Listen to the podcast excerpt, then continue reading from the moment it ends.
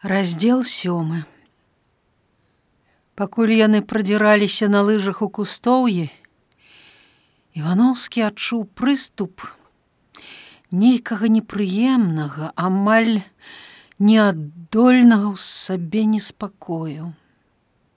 Было зусім невядома, чаму гэты неспакой менавіта цяпер так настойліва даняў лейтенанта. Урэшце, Усё складвалася больш-менш удала.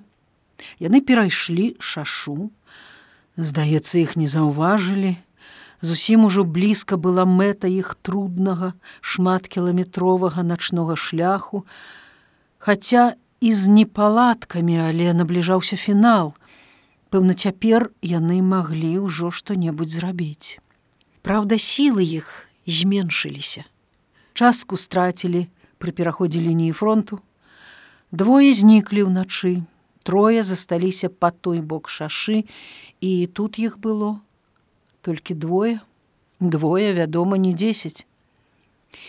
Але наўрад ці гэтая акалічнасць была прычынай яго невыразнага і такога неаддольнага цяпер неспакою. Чым бліжэй яны падыходзілі да хвойнічка, тым усё нецярплівей рабілася на душы ў лейтенанта. Нецярпенне нарэшце ахапіла яго так моцна, што ён не мог дазволіць сабе спыніцца, каб паправіць на сцягне павязку, здаецца, пачала крывяніць рана.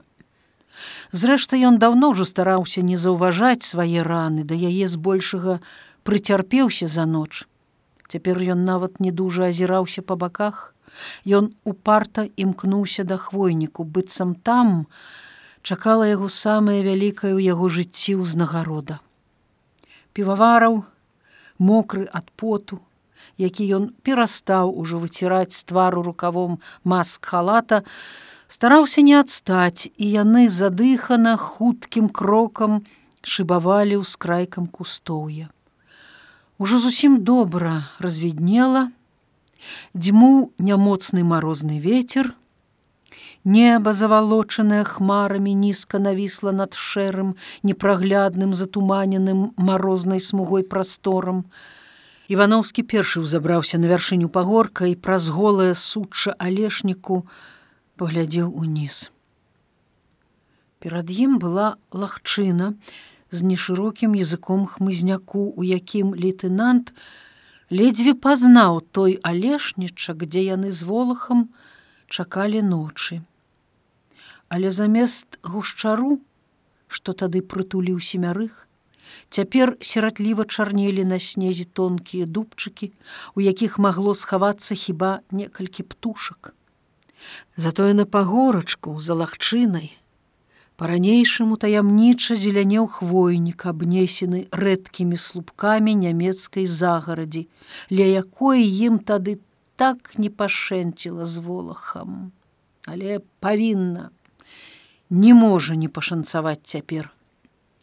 Убачыўшы знаёмую загарадзь, лейтенант памалу пачаў спакайнець. Галоўнае, усё ж ён дапяў да яе астатняе ўжо залежала ад яго умельства, знаходлівасці, ад іх смеласці. Дзеянне розных пабочных прычын тут ужо зводзілася да самага магчымага мінімуму. Захінуты хмызняком, лейтенант пастаяў хвіліну ці дзве. Трохі адпачыў і памалу пачаў пазбывацца свайго нецярплівага неспакою. Ён стараўся ўпэўніць сябе, што ўсё як-небудзь абыдзецца. Праўда, канчаткова супакоіцца яму не ўдалося, нешта ўсё ж не пераставала яго прыгнятаць, трывожыць і без тагона трывожаныя за ноч пачуцці. Піваварыў, ні пра што не пытаючыся, відаць, без слоў разумеў становішча і чакаў, калі яны пойдуць далей. Івановскі ж, усё не мог адарваць позірку ад хвойнага ўзлеску быццам спадзяючыся там што ўбачыць. Але на адлегласці больш кіламетра нічога не было відаць апроч рэдкіх маладых сасонак ды некалькіх слупоў загарадзі. Зрэшты яно і зразумела Мабыць, немцы паспелі замаскіраваць аб'ект. Яны таксама умелі маскіравацца, розныя там сеткі, зялёныя маскі, снег. Вось толькі здзіўляла, куды прапала дарога, на якой разведчыкі волаха убачылі нямецкія грузавікі, што вазілі боепрыпасы. Яна ішла якраз па касагоры да лесу і цяпер там на снезе не відаць было і следу. Можа, яе замяло уночы, падумаў лейтенант. Але хоць які знак? Яе павінен быў захавацца нават і пасля завеі, а можа, дарогу праклалі ў іншым, небачным адсюль месцы, Зрэшты, дарога цяпер яму была не патрэбна, пакарыстацца ёю відаць ім не прыйдзецца. Куды важней было знайсці зручныя подступы да гэтага хвойнічка, каб уночы як мага бліжэй падпаўсці да агароджы. Відаць, адкрыты напольны бок для гэтага мала гадзіўся. Трэба было пашукаць, якія падыходы з захаду пивовараў айда ціха толькі ухіляючыся ад мёрзлага сучча якое ўвесь час чаплялася за іх капюшоны яны пайшлі хмызняком уніз у абход поля. Ивановскі зноў увесь насцярожыўся. Усё ў ім так сцялася як не сціскалася за ўсю шалёную мінулую ноч але наўкола стаяла цішыня. Ім ніхто не спаткаўся і гэта супакойвала. У который ўжо раз лейтенант браўся прыкідваць як лепш перабрацца за загарадь цяпер гэта было мабыць самае важнае і самае цяжкое у ягонай задачы вядома калі ж табялі блізка ля дроту дык можна будзе закідаць іх гранатамі і бутэлькамі з кс хаця на Наўрад ці яны будуць размешчаны на такой адлегласці, каб іх можна было дастаць гранатай. Тады прыйдзецца лезці праз дрот. Лепш за ўсё, мабыць, зрабіць гэта аднаму, а астатнім прыкрыць на які выпадак і забяспечыць адход. Хай нават прыняўшы нядоўгі бой з вартавым на іх баку раптоўнасць а хвіліны часу ім мабыць хапіла б каб зрабіць усё што трэба зрабіць.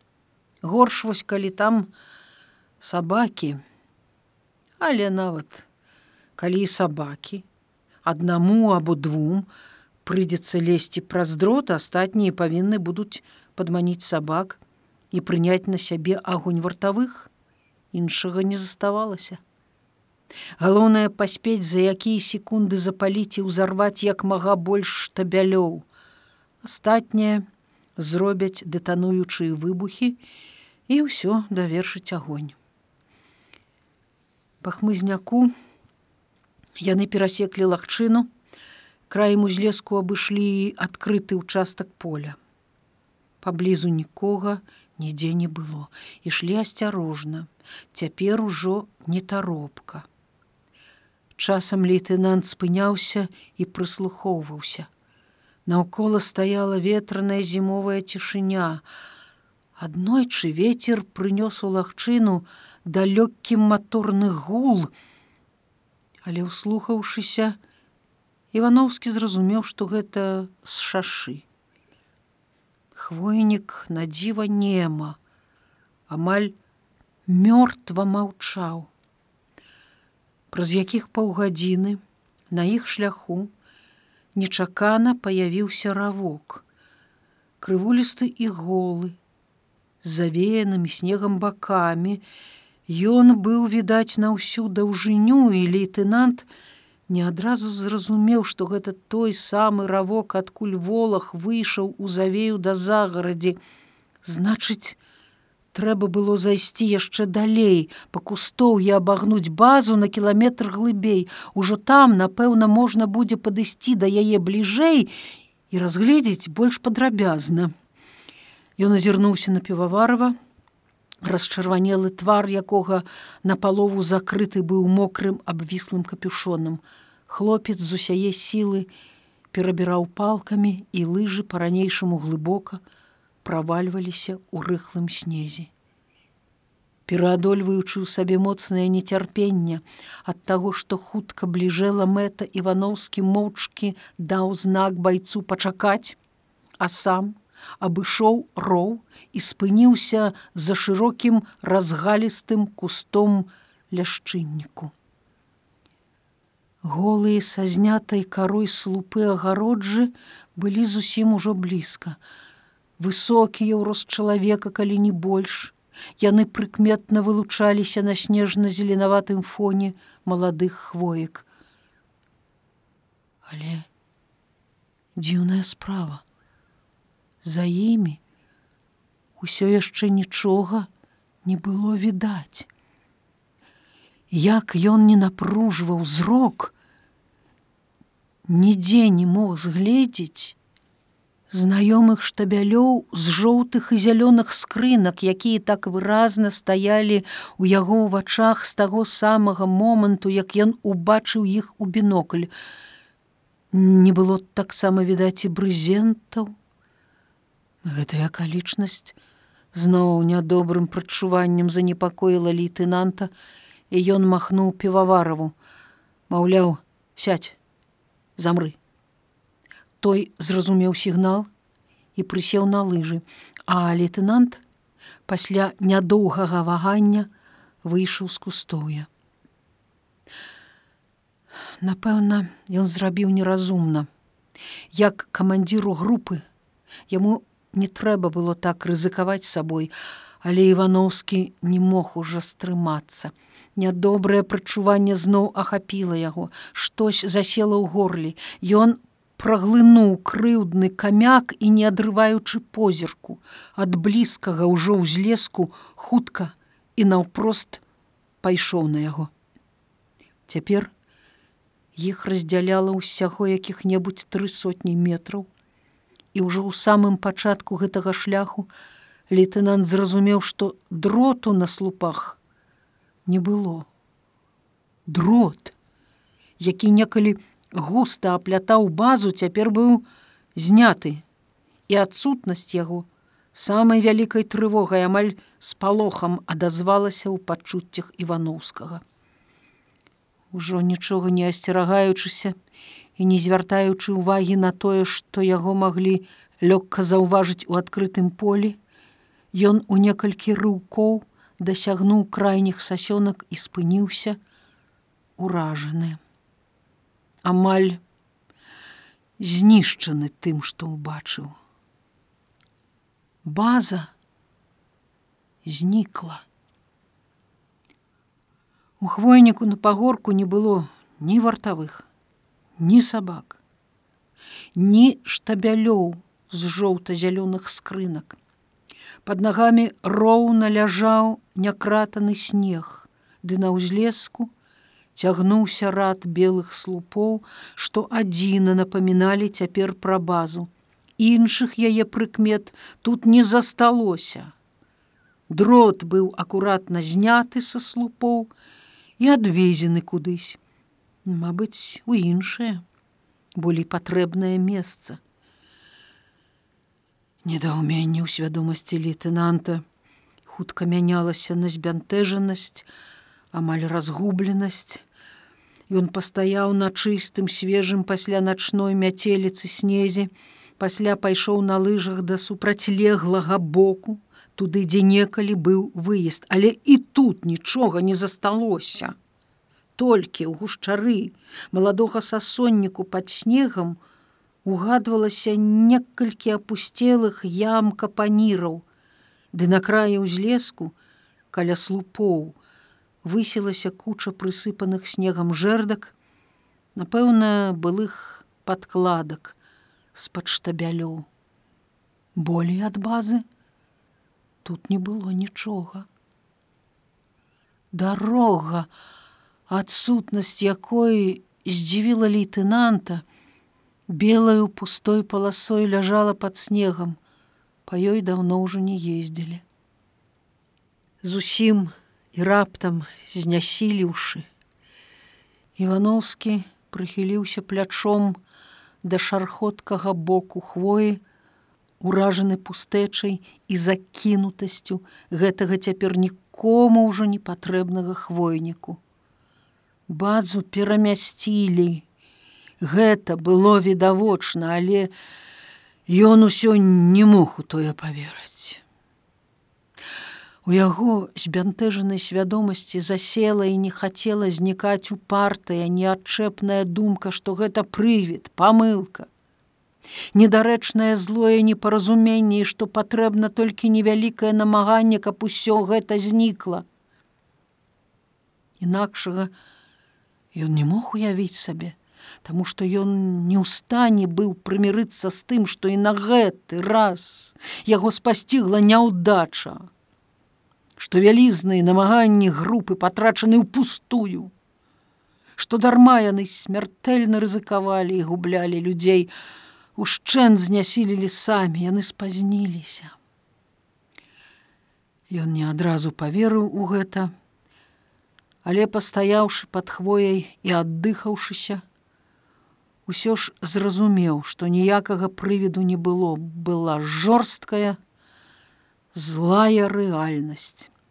Яшчэ адна вялізная бяда з усіх бедаў, якія выпалі за гэтую вайну на яго злашчасную долю.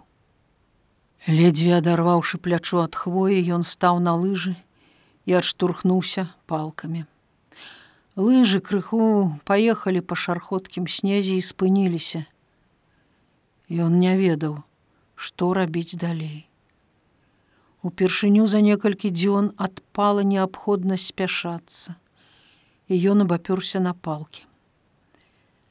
На хвойнай галінцы паблізу з'явілася вяртлявая сарока, якая ўвесь час злосна стракатала на яго. Пырхнула над галавой і з кароткім піскам знікла у голлі сінічка. Івановскі стаяў, зусім абыякавы, да натуральнага жыцця лесу і не заўважаў нічога. Нейкае здранцвенне скавала яго аслабелыя мышцы.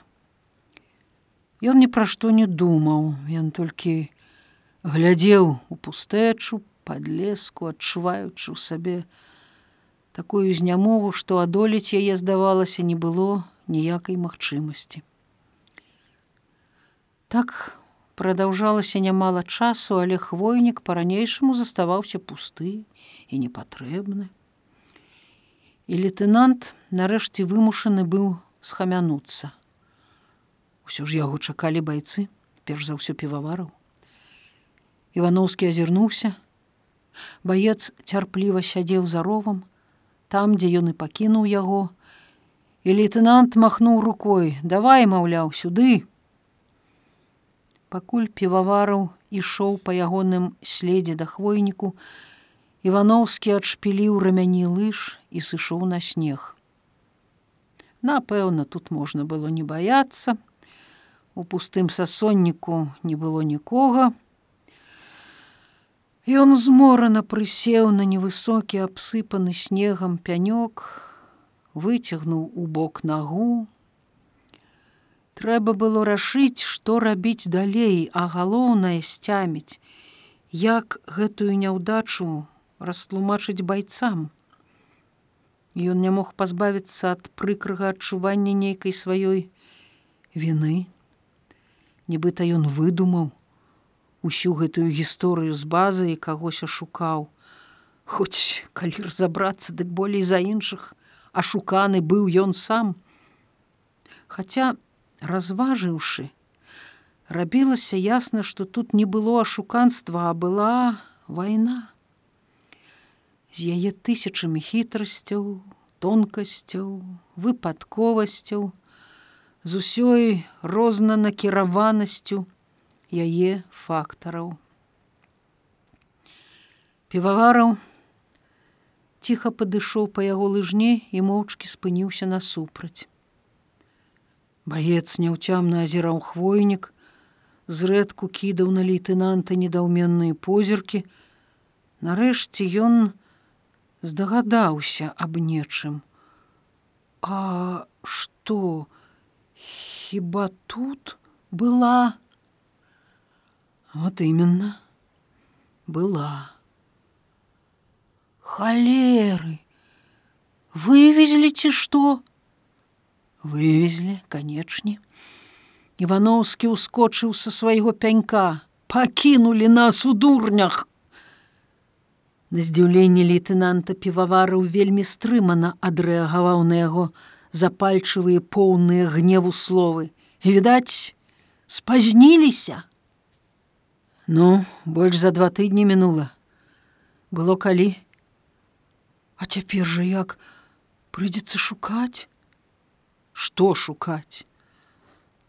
Ну, базу, загад жа. Вядома, базы не было, але загад знішчыць яе заставаўся. Ці даўно лейтенант сам дабіваўся ў штабе гэтага загаду, які нарэшце і атрымаў на сваю галаву. Што ж, цяпер давай, выконвай загад, лейтенант Івановскі, шукай сваю базу. Злосна падумаў пра сябе лейтенант.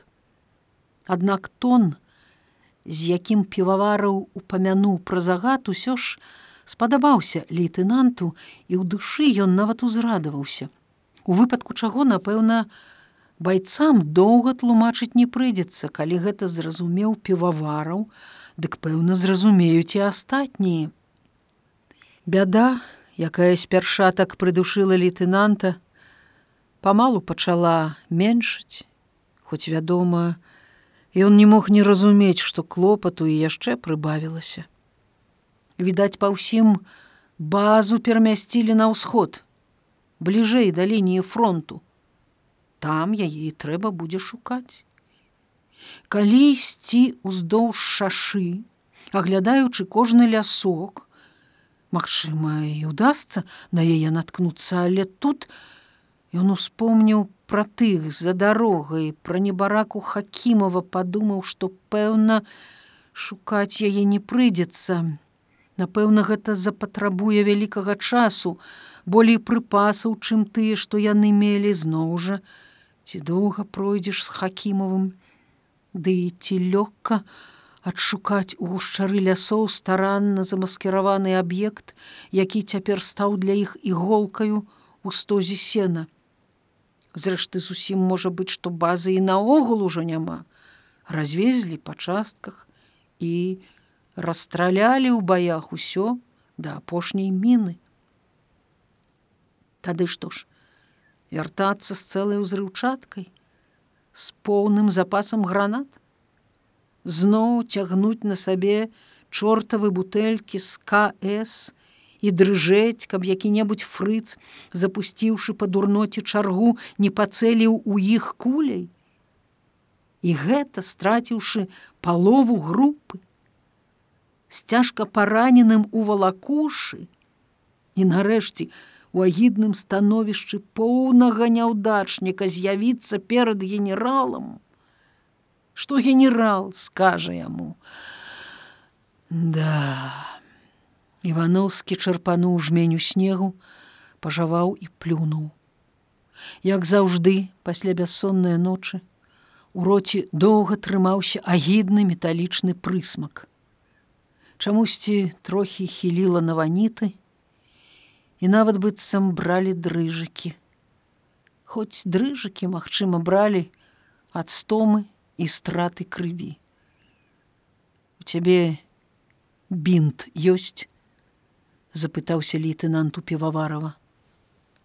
Той зняў рукавіцу і пачаў мацаць кішэні, а лейтенант падняўся з пянька.